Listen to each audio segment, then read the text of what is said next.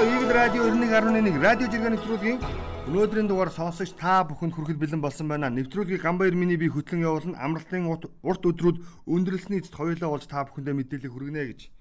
Twitter орчинд нөхдүүд ямар асуудлыг хөндөн ярилцаж байна вэ? Өрнөж байгаа үйл явдлыг хэрхэн шүүн тунгааваа гэдгийг бол чадан ядан тайлбарлан хүргэе. За, өнгөрсөн амралтын өдрүүдэд болсон үйл явдалтай холбоотой жиргэнүүд тасралтгүй За өнөөдрийг хүртэл үргэлжилж байна. Энэ юу вэ гэхээр 3 аймаг зохион байгуулагчсан хурдан морины уралдаан байж байгаа. Бүр тодруулж хэлэх юм бол ховд болон сэлэг дорнот аймагуудад бол тус тус өөр өөрийн нэршилтэйгээр за хурдан морины уралдаан зохион байгуулагдсан. За энэ уралдаан дээр жишээлбэл ховд аймагт бол ховд аймаг үүсгэн байгуулагдсан 90 жилийн ойтой холбоотой хурдан морины уралдаан зохион байгуулагдсан. За Сэлэнгийн аймагт бол за мөн за Атрийн аян бусад одоо хадлан тариаланчтай холбоотой юм уралдаан зохион байгуулагдсан. Тэгвэл Дорнот аймагт бол Морио спорт уяастай холбооны 25 жилийн ойтой холбоотой хурдан морины уралдаан хөлбөмбөр сумд бол зохион байгуулагдсан. Тэгсэн чинь нөхөр айри жиргсэн байгаа. Солиоруулж штэ бүр гэд. За ингээд гурван зураг оруулсан. Зурган дээр ерөөсөө доотлолт нэг бичлэг байгаа. Зурган дээр юу байна вэ гэхээр зүр талаар нэг тарчсан джип байж байгаа. Тэгэд бичлэгэн дээр хамгийн хөвгөлтэй нь юу вэ гэхээр машин морин хаана байгаа юм бэ гэж хүмүүс асуугаад байгаа байхгүй. Тэгээ ингээ харч нэрээ энэ талаар нэг давхиж байгаа тэгээ цагдаагийн хамгаалалт гарцсан байгаа зургууд дотор ерөөсөө уралж байгаа морь харагдахгүй байна. Тэгээ энэ Монгол өв уламжлал ийм байдлаар явж байвал бас арай л байна л та. Үнэхээр өв уламжлал хадгалын хурдан морин оролдуулах гэдэг нөхдүүд бол тэмцсэн. Их жанжны талбай дээр бол морьтойгоо хурж ирж чагсаал цуглааныг хүртэл зохион байгуулж ирсэн. Тэгээ морь уралдахгүй бол Монгол соёл мөхлөөл гэдээсэн. Яг үндэ бол ийм байдлаар бол өв соёлоо хадгална гэж байхгүй зүгээр тэрний оронд ашиг зүгээр хэдүүлээ машинаа орлуулж хэрэгтэй байхгүй. Тэгээд нэг хэдэн хүүхд унагсан нэртэй муу нэр зүүж яхахын оронд машинаа эвдчихлээ гэдэг мөнгөтөн лагаад нь луунгайд нь хамаал. Гэхдээ агүй хөвгөлтэй байгаа байхгүй. За ингээд эхний зурган дээр бол ингээд цагдаагийн хамгаалтыг зам дагаа зогссон байгаа. Тэгээд битүү маш шороо хоёр.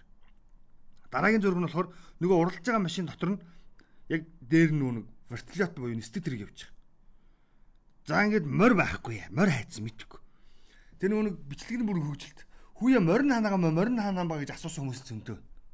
Хамгийн имзэглэмээр нь тэр.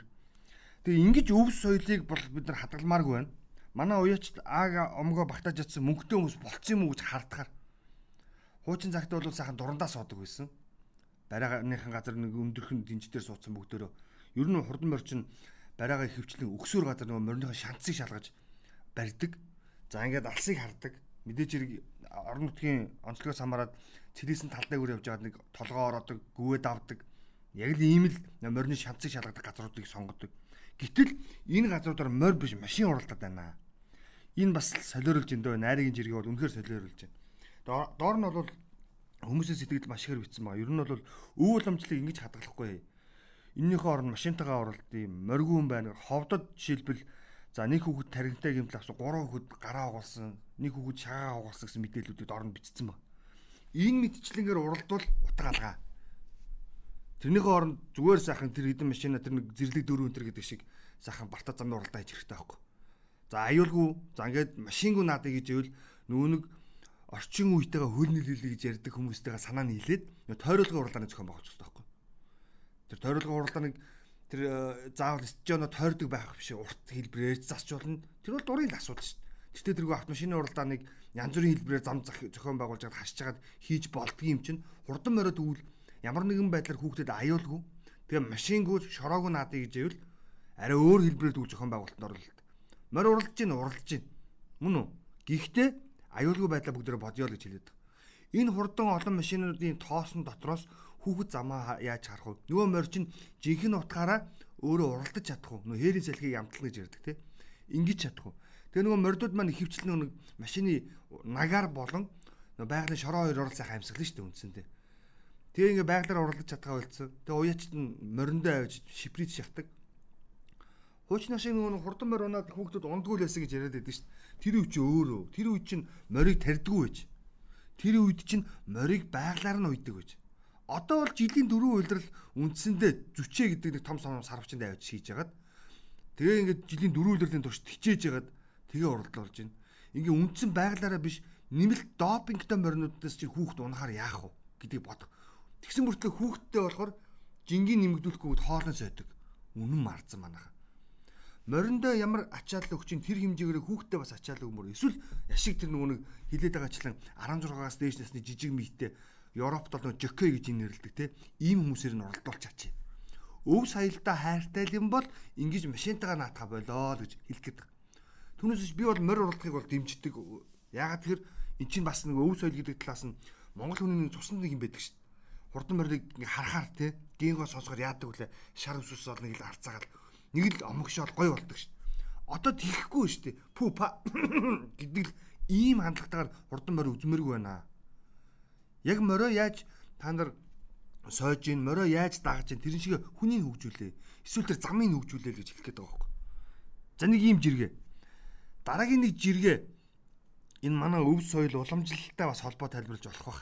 Сүүлийн үед бас энэ э, жиргээчдийн хоорондоо цэцбулааталтан ярьж байгаа сэдв бол энэ 10 дугаар богдыг тодруулна гэдэг сэдв болчиход байна. Тэгээд хаанаас ч юм бэ нэг нь 10 дугаар богдыг э, маргааш үсттэй 8 сарын 11-нд чинь Тэгээд намрын тэрүүн сарын шинийн 3-ны бэлэгт сайн өдөр 10 дугаар богдыг суудалт зална гэдэг юм мэдээлэл цацсан. За энийг бол манай бурхан шашны төв гандан тэгчлэн хийдээс бол үгүйсгээгүй. Гэхдээ ямар нэгэн байдлаар нэг богд ч гэдэг юм уу эсвэл нэг номын шашны тэргүүнийг сонгох ийм үйл ажиллагаа болох юм шиг юм яриад байгаа. Маргааш болтол зайч энэ лайч энэ тодруулах баг. За нэг хэсэг нь бол 10 дугаар богдыг манай зарим улс төрчдийн хүүхдүүд тодорж байгаа гэдэг юм мэдээлэл гараад байгаа. Тэр бүхэл Америкт амьдардаг хүү байгаа 10 настай. Та бүхэн санаж байгаа бол нэг одоогоос за 3 жил дотор доо нэг яриа гарсан. 10 дугаар богд ерөөхдөө бол тодруулчихсан. Гэхдээ нэрлэх цаг хугацааны хувьд бол болоогүй байна гэдэг мэдээллийг гаргаж ирсэн. Энэ мэдээлэл 70 багшаас үүдэлтэй гарсан. Тэгээд энэ 10 дугаар богдыг Монголоос тодруулах нь өөрөө геополитикийн хувьд бол асар өндөр нүгэн шашны гэхээс илүүтэй ач холбогдолтой гэдэг агуулга яригддаг. Яагаад гэвэл ихэр ар Монголоос хэрвээ 10 дугаар богдыг тодруулж гимэн за нөгөө талдаа нөгөө төвдийн тусгаар тогтнол бас яригддаг. За хятадын Монголд хандах хандлага бас яригддаг. Далаа багш буюу ар дээрхэн гигэнтэй 14 дугаар далаа лам за энэ мундаг хүн Монголд номын айлдвараа айлдах энэ мөчлөгтөө зэрэгцээд хятадаас ямар нэгэн байдлаар хориг тавьж ирсэн. Тэр бүхэл буян тухайгийн спорт цогцлбор дээр далаа багш ном уншина гэхээр хятад энэ бидний тусламжаар барьж өгсөн ордонд төвдийн шашны тэргүүнээр ном уншуулахгүй гэдэг хүртэл нот бичиг явуулж исэн удаа би энийг мартаж болохгүй. Тэгэхээр 10 дугаар богдыг тодруулахын ач холбогдол нь юу вэ гэхээр нэг талдаа төвд за нөгөө талдаа буддын соёлыг ар Монголд авч үлдэх гэсэн нэг ийм том агуулга явагдаж байгаа. А гэтэл монголчууд болохоор арай өөр хэлбэрээр буюу улс төрийн өрөөнд энийг хараад байгаа. За энэ улс төрчид өөр хоорондоо хүүхдөө гаргах гэж ирэх гэж мөнгө хаялцсан ийм шар мэдээ байдаг. Үнэн удааг би одоо хэлж мэдэхгүй. Гэхдээ одоо жиргээчдийн гаргаж байгаа за зарим нэг сайтыг гаргаж байгаа мэдээлэл дээрээс аваад үзэх юм бол нэр бүхий улс төрчийн хүүхд нь Америкт өсөж төрсөн хоёр иргэншилтэй энэ хүүхдийг тодруулж байгаа. Одоо би бол хэлээд яхаа өөртөө жиргээчд мэдж байгаа учраас. Тэгээ энийг жиргсэн байна л да. Богд мог тодруулж гихшгээ хэдгээр зуунд амьдарч байгаа юм дэ мэдхгүй цаан чин дэлхийн улс орнууд шинжлэх ухаанаараа өрсөлдөөд алж явахад манаахан богдоо ярьсан шигээ л явж байна. Яавч 21-р зууны улс орн бишээ гэсэн байгаа юм. Бас өмнө хэлжлээс жиргэн дээр манаахан нэг тийм жалга довны гэдэг шиг чи юу өмссөн? Энэ ямар үнэтэй ингэ ярьж хахад дэлхий дээр манайх тэр гаргийг эзлэнэ. Манайх энэ гаргийг эзэмшигч болно. Сансар тэдний хүн хөөргөн. Сансарт нисхийн тулд тэдний евро төлнө гэдэг ийм ханч тогтоогоо байж идэг. Гэтэл бид нөгөө хэрүүл тэмцэл хин нэгэн цанаад зовхороо дэлхийн интэд сэтгэдэг. А тэгсэн хэрнээ хөгжлийн асуудал дээр болохоор гэж ялгад даваараа яриад байдаг юмээс боломооргүй байна гэж. За нэг хөгжөөд байгаа юм шиг балраад байгаа юм шиг нэг жиргээ энд бас явуулсан. Согоо гэдэг хаягнаас жиргэсэн. Энэ согоо гэдэг хаягнаас жиргэдэг нөхөр бол ихэвчлэн түүхийн холбоотой юм жиргэдэг. Тэгээ өнөөдөр юу болсон юм? Энэ драмын театрын зургийг оруулсан байгаа. Улаанбаатар хотын төвд байдаг. Драмын театрын За 220 орчмын ийм зургийг оруулаад за ингээд хуучин драмын театр болон өнөөгийн драмын театрын газрын зураг байж байгаа. За ингээд газар дээр нь хуучин болол драмын театр сэлэхүү сайхан байж эргэн тойрон ногоон байгууламжтай.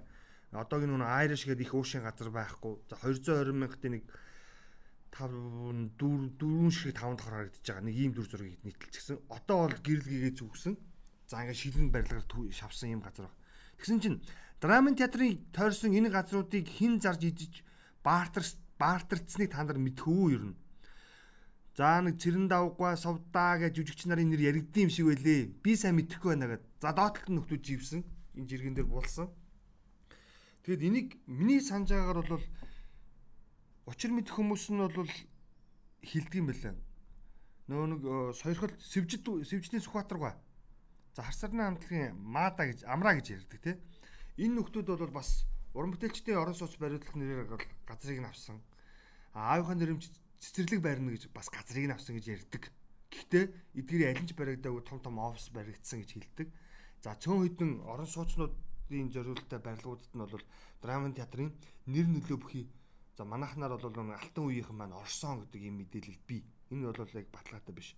Гэхдээ би зүгээр яг хэлэх гээд байгаа драмын театрыханд бол чадж байгаа юм дарга байхгүй. Үнэхээр манай энэ алтан үеийнхэн болоод одоо бас энэ мандаж байгаа мундаг мундаг найруулагч жүжигчд өөрсдөө тэр байшинд нь орцсон болол зүгээр хааштай уус тэдэрт орон байр өгч чадахгүй шүү дээ. Сайн. Яагаад ашигтай талбайгаа те бусдад бизнесийн зорилтоор зарж борлуулад өөртөө орон сууцтай болцсон бол буруутгаад авах зүйл алга чадж байгаа юм дарга байхгүй. Энийг 100% буруутгах болохгүй. А харин хууль зүйн ам цагдаагийн байгууллага тэг ихэвчлэн хуулийн тодголтой энэ байгууллагууд бол эсэргээрэн шүү газар зардаг. Жишээлбэл цагдаагийн байгууллага тэрүүн цагдаагийн жишээлбэл ингээд юм журмын хашаа гэдэг айгүй олон энэ тэнд Улаанбаатарт газруудтай. Тэр хашаануудын хэсэг болонд нэгээд машин аваалаа тавьчихсан нөө зөрчилтэй машинуудыг тавьдаг. За нөгөө хэсэг болонд нь яадаг вэ гэхээр ажилчдын буюу замын цагдаагийн албан хаагчдын орон сууц барина гэд хувийн компаниуд зарчдаг газараа. Тэгээд манахаас ингээд ажилтнууд одоо энэ байранд орно гэд. Тэг яах яг үндэ бол манай яг энэ цагдаагийн жинхэнэ албан хаагчид нар бол дарга биш албан хаагчийг би хэлж байгаа шүү.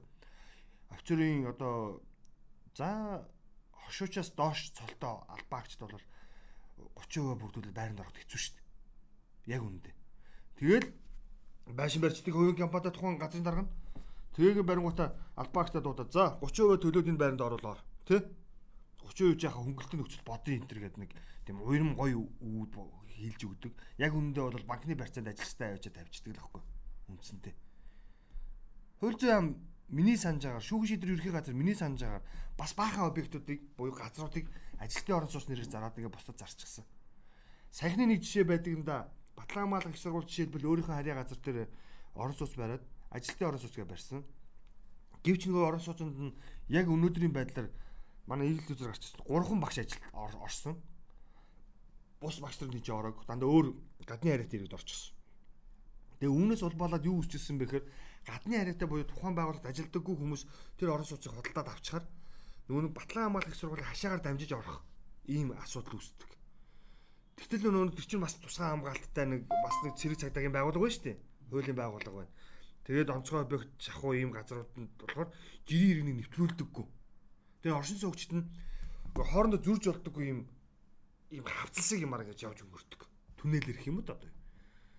Тэгээд нэг хөрөгч мөрөгч гэрте бодлож авах юм бол яаж оруулах юм баа бүү мэд. Машин тавих тухай бол ойлголт байхгүй шүү дээ угаасаа. Тэгээд нэг батлан хамгаалгын хэдэн манаач харуулуудыг нэг өстөө нэг шагжим юм шиг гүйж нэг оруулт юм шүү. Яг дараамийнхан бол хэрвээ энэ хүний жиргэж байгаагаар энэ манай бас орлогынхаа өөртөө орон байранд орцсон бол би бол муулахгүй. Гэхдээ манай хуулийнхан бол иймэрхүү юмнуудыг бол сайхан закруулт юм билий гэж хэлдэг та. За дараагийн нэг марзан жиргээ байсан. Энд Мандрва official гэдэг хянаас жиргэсэн. Жилд багада 200 удаа секс хийж байдаг бүсгүй та 6 насаар залуу харагдана шүү дархлаатай жинхэнэ бат бих болдог гэдэндээ бүсгүүчүүд минь гэсэн ба. За доотлолт нь авсан манайхан. Тэгэхээр ерөнхийдөө өнжөөд нэг секс их юм бол бүсгүүчүүд өөрийнх нь байгаа наснаас нэг 5-6 наснаас залуу харагдах юм байна. За хэрвээ 200 гэж тооцоолох юм бол за нэг 100 180 хоног дээр 160 хоног дээр нь л нөхөр газар хонох нь те. Асал энэ агуу статистик гаргаж ирсэн байсан. Тэгээд манай хүүхнүүд үнэхээр тийм үү гээл. Тэгээд доотлолт нь бол манай хүүхнүүд бол сүв сүв сүв гэж жиргээ орж ирсэн л те. Тасархаа жиргээнүүд. Тэгээ хүүе би чинь зүгээр насаасаа хөвшөө харагдах аргагүй юм байна штэ гэд. Яана хурдан үнтэй сууя гихчлээ. Жиргэнүүд бол тэгээ мэдхгүй мэдхгүй тэгээ одоо манай эмгтээчүүдийн бол энэ энэ чиглэлийн эрэлт хэрэгцээ бол өндөр байдаг юм шиг ийм л юм энэ чи харагдсан. За энд нэг э, санхүүж ган зориг байдаг штэ. Тэр нөхөр эдийн засгч ган зориг гэж иргсэн мэс. Шар дээл өмсөх ёстой байсан л гэн. Төрийн ордны гишүүн явж байвал зай тавьж өгөх ёстойг нь гишүүнтэй сандал дээр зэрэгцэн суух ёсгүй ч гэх шиг баруунд ерхий сайдууд нь дугуунаад явдаг тэр улс баян байна. Бид ядуу байна. Учир нь сэтгэлгээ нь боол ядуу гэсэн. Ерөөсөө энэ хөөх. Манайхан нэг юм дараг дэшээ те нэг ийм зангаас ерөөсөө салж чадахгүй байгаа юм аа.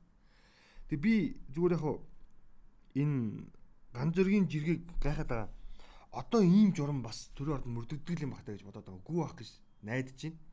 Тэгээ энэ юутай холбоотой жиргээ вэ гэхээр сайн нүг төрийн тахилга болсон шүү дээ. Сутаа харахны. За энэ тахилган дээр очисон чинь ерөнхийлөгч синхронгийн дээл өмссөн байсныг нөхдөд шүүмжилсэн юм шиг ба. Шар дээл өмсөх хэрэгтэй байсан гэдэг. Гэхдээ одоо энэ шашин төрчин тусдаа лаймаар юу.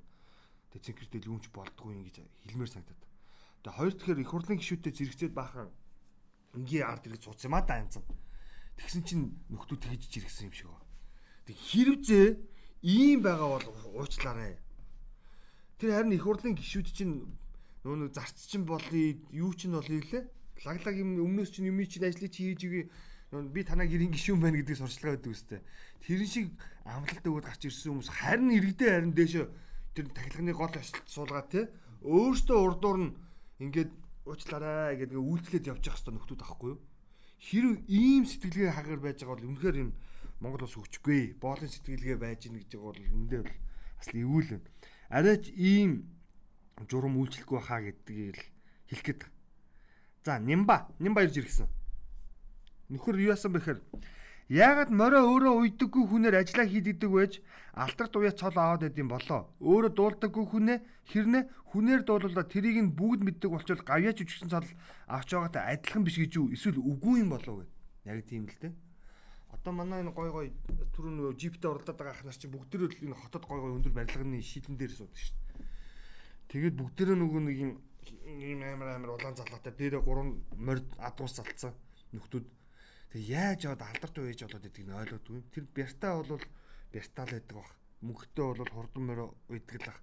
Тэг тижэл авч өгсөний төлөө те эсвэл нэг хашаа барьж өгснөхийн төлөө алдарт уяж болж байгаа бол бүгдөөс ахаа энэ хөдөөгийн малчтай дэмжил та одоо уяач гэж яхах оронд одоо нөгөө хуучны э, сайн адуучдыг төрүүлэлт улсын алдарт адуучийг төрүүлэлт хин олон эмнэг сургасан бэ гэдэг хүмүүсээ төрүүлэлт тэгэхгүй бол одоо яг үндэ бол энэ хөдөө бол энэ морь унлаг адуу мал адуулах гэдэг сэтгэлээ өндөө л арилж ин дөө хоцрогдож ин хаягдж ин бүгд нөгөө моциклэн дээр мартчихсан үнэхээр хараасмаар миний таньдаг нэг айл хөдөө очисон би сая.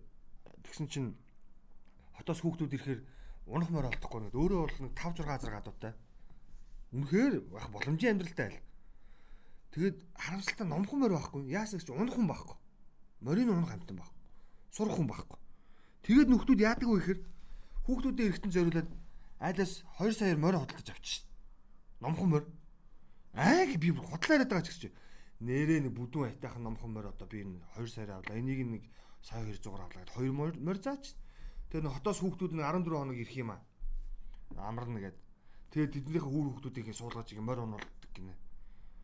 Бас араа араа л гэж бодоод байгаа. Тэгээд Тэгээд тэр жиргэний доор нэг юу бас нэг жиргээ анхаарал татсан. Юу яасан бэ гэсэн чинь яг энэ жиргэний дотор явжсэн чинь энэ Нямбагийн жиргэний доор хөдөө гэрлэлт хэцүүдлээ гинэ. Яасан бэ гэсэн чинь ер нь оюутан болгоод ингээд хүүхдүүдэд сургуульд явуулдаг бас мэдээч хэрэг хүн хүнээ хүүхдээ хөгжүүлүүлүүл яг. Тэгээ хот руу явсан 10 хүүхд дотны ерөөсөө 2-оос 3 л буцаж ирдэг. Ялангуяа октод бол үлдчихдэг. За ингээд хөдөгөөр нэг сайхан хар юмнууд байна. Тэгээд нэг айлын хиний айрыг эсч үү, хиний хүүхэн өсч үү гэж тоолох юм байхгүй. Им сүвтөө бол очиж суучдаг. За тэр цус ойртолт гэдэг юм бол бас эвгүй болцсон сураг биш үү? Октод нь чинь Тэгээ нэг хөдөө явж хот руу соёл сургууль соёл руу явж чадаагүй нэг хэдэн сэврүүдийг нэ авчиад нэг хэдэн ирчүүд нь хуваагаад ингээд ингээд ингээд тойроо тойроо сучдаг. Бас эвгүй тэгээ манайхын хүн амын бүтц дээр бас нэг шинжил хийхгүй бол нөгөө хөдөөгийн дид бүтц гэж яриад байдаг асуудал одоо энээс л үүсэж байгаа. Тэгээ хотод үлдээд байгаа охтуудаа бас гуух гээд байгаа байхгүй. Тэгээ үнэхээр хөдөө эмгтэн хүний хөдөлмөр хэцүү л дээ хүнд. Өглөө хамгийн эрт басна, нөхөр малтаа гарнас. Тэгээ сайлаа сайж орж сааж орж ирчээд сүүгээ борлуулан цагаагаа борлуулан хоолундаа хин ингээд ингэ ингэ барагдахгүй ажилтай л. Хөө тэрнээс хаширдаг үлээ. Тэгээ хотод утас маажаад нэг байшинд ороод офисын ажил нэртэй хийгээд те ингээ явж их нэг амар өдөг үлээ. Гэхдээ бас бид нар энэ бодлогоор бас энэ эмгтээчүүдээ хөдөөрөө бас явуулмаар байгаа байхгүй. Тэгвэл бас асуудал байна. Асуудал байна. Тэг явахгүй л хүүхнүүд. Энд чи гой ганган эмгтээ хүн чинь цэцэг хээх баран дуртай. Гэрэлцсэн юм дуртай. Амттай чихрэн дуртай. Тэг ирчүүд нь яг тон хон гоёор аллаж байгаад эн чинь нэг пүрүүс авч өгөөд нэг хашаа байшин авчиж суулгачдаг. Ингиж амьдрмааргүй л байгаа юм л да уул нь бол. Тэгээ одоо тэгэл нэг 2 3 хүүхдтэй пүрүүс уусан айнаар бол зөндөө шүү дээ. Ивгүй шүү дээ яг үндэ. Тэгээ юм хэлэхээр бас сайн ойлгохгүй шүү дээ яг үндэ бол. Тэгэл хүн юм ярахаар аа амьдрал гэж бол хүүхдийн мөнгө дараа дараа өдөөс бах юм яриа л. Яг үндэ бол хөдөө сайхан тий сүү цагаагаа борлуулад гой Монголгийн эзэгтэй чи бас гоё шүү дээ. Амьдрал гоё юм. Тэг би бол муухай жалгад оны үзэл ярьж байгаа ч юм биш. Би бол өөрөө хотын үнэлт. Магадгүй би хөдөө төрсэн бол хот руу явцсан манай нутгийн нэг сайхан хүүхэн хот руу явцсан бол чирж чирээ буцаага аваад ир. Яат. Одоо миний нэг садангийн ихч байдаг. Би бол одоо хилдэн та бас амар хүн шиг байна. Хөдөө байж байгаад манер сургуульд явсан. Улаанбаатар техником гэлөө юу лээ тухайн үе нэг тим юм төгсөөд тэгээд Орос руу хевсний үйлдвэрийн мэрэгчлэнээр төгсөж ирээд тэгээд Эрдэнэт үйлдвэрт ажиллаж байгаа. Тэгээд Эрдэнэт хевсний үйлдвэрт ажиллаж хагаад нутгаруугаа амралтаараа явж байгаа. Тэгээд тэнцэнээс үлдсэн. Одоо сайхан сайлж Монгол эмэгтэй байж байна. Та яагаад үлдсэн хэр мэдхгүй энэ нэг ах чинь жороморт ирсээр гал аваас уцс тэгээд тэгж шалдаг. Тэгээд өөртөө тэгж хөвжөлдөг. Тэгээд тэгээд үлдчих тий бас эмэгтэйчүүд хэр цөөхөн болцсон юм бэлээ чихрэн туурч. Би бол тэр Оросд төгссөн те энд хевсний үйлдвэрт ажиллаж байгаа хүн бол одоо бол нэг эрдэнэтэд хөрхөн хөлөө олцсон хүн байж гас болол гэж боддtiin. Тэгээ одоо бол хөдөөс ахал амьдарч байгаа гэхдээ муугүй. Тэгээ нөхдүүд бас хөдөөгөө бодмоор л санагдсан жиргээ зүр уншичаад. За дараагийн нэг жиргээ. Төвшин жаргал ингэнэ. Ковид туссан чинь хөсөөтөөс ярьж гинэ үү? За эмчилгээний талаар зөвлөгөө ерөөсөө өгөхгүй байна. Харин өндөр чин хэдийн жинчин хэдийн гэж асууж байна. Хайшин хайрцаг захиалах гэдэг юм уу хайшин гинэ. Гэхдээ манай эмчнэр бас чинь нэг гендэ чи гондо чи гэдэг манайх бас нэг зөвлөгөөгөө бас айгүй тийм гоёор өгөх хэрэгтэй байхгүй. За ингээд таны биеийн байдал ямар байна? Өндөр жинчин ямар байна гэж шууд асуухгүйгээр тий. Та ингээд ингээд хэрвээ таны жингээс чинь хамаарад тий ийм өөрчлөлт гарвал таны өндрөөс чинь хамаарад ийм өөрчлөлт гарвал гэж зөв тайлбарлахгүй бол хүмүүс бас шууд нөө явуулах гэж байгаа юм шиг л ойлголтоор хүлээж аваад байгаа юм байна шүү гэж хэлэх гээд байна. За өө нүүдч ийм нэштэй хөдөө толгомж байгаа асуудал энэ. Ихээ гэдэгнээс. Хөдөө толгомдож байгаа хамгийн том асуудал бол ихнэр олж авах юм байна. Охтууд нь бүгд хот суурин газар барааддаг. Угаасаа хотод оюутан байж үтсэн эмэгтэй хүн яагаад ч буцаад мал руу явахгүй. Хөдөө эмэгтэй хүний хийх ажил дуусахгүй юм блэ. Дээр нь амьдрах нөхцөл маш муу гэ. Ерөөсөө саяны яриад байгаа юм чи энэ л байна л та. За энэ Imorco Bides гэдэг хаягнаас жиргсэн байгаа. Манай монголчуудын хоббины манай монголчууд хоббины дутагдaltaй гэж санагддгүй юу юм. Тэр орон зайгаа мөнгө, арх, сексээр нөхөх гэж оролддог. За би энэтэй бол санал нийлнэ. Яг нөгөө нэг хоббигоо хөгжүүлж чаддгүй. Тэг ямар хоббитойгоо мэддэггүй бас.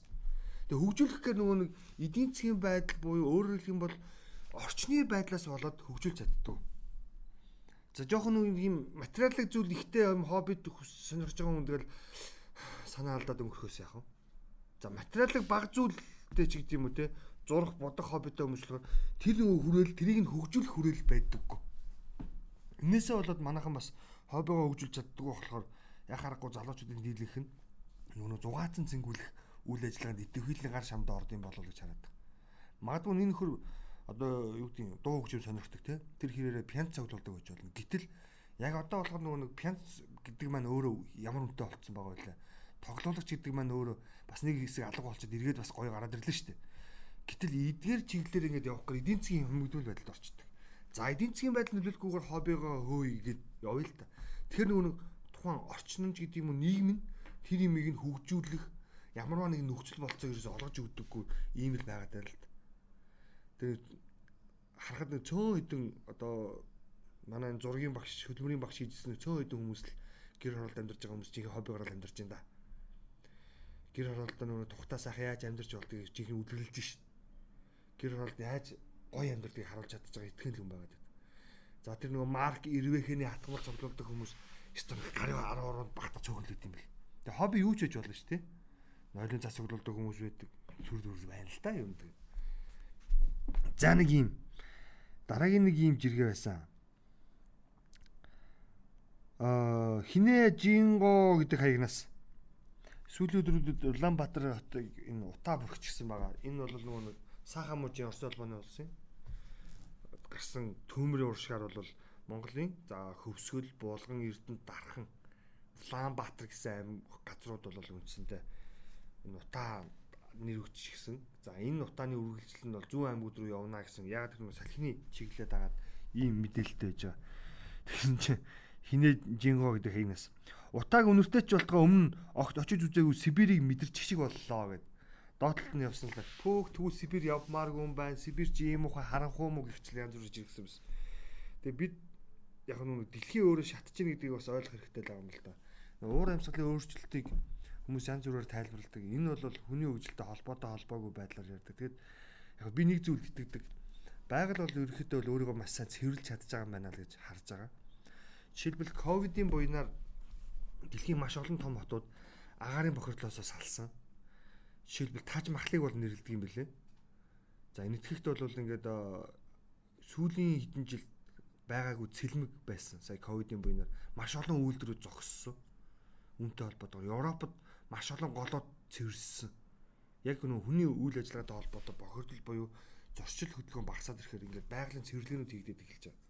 Нөгөө талдаа сүүлийн 3 жил дараалсан энэ төмрийн гамшиг бол Америкийн нэгдсэн улс, Австрали, тэ Европын холбоо нэг хит хитэ орнууд, ялангуяа Испани, Итали, тэ. За ингээ одоо ингээд Орос улбаны улс зэрэг газрууд гарч байгаа төмрүүд ихэвчлэн нөгөө хүний хүчин зүйлсээс болж сүйдэж байгаа газруудыг нөхөн сэргээх юм үйл ажиллагаа болоо гэж би бас хараад байгаа. Тэр нь байгаль өөрийгөө цэвэрлдэг хүн тэрнтэй нарийн тэмцээд байгаа шиг харагдаад байгаа.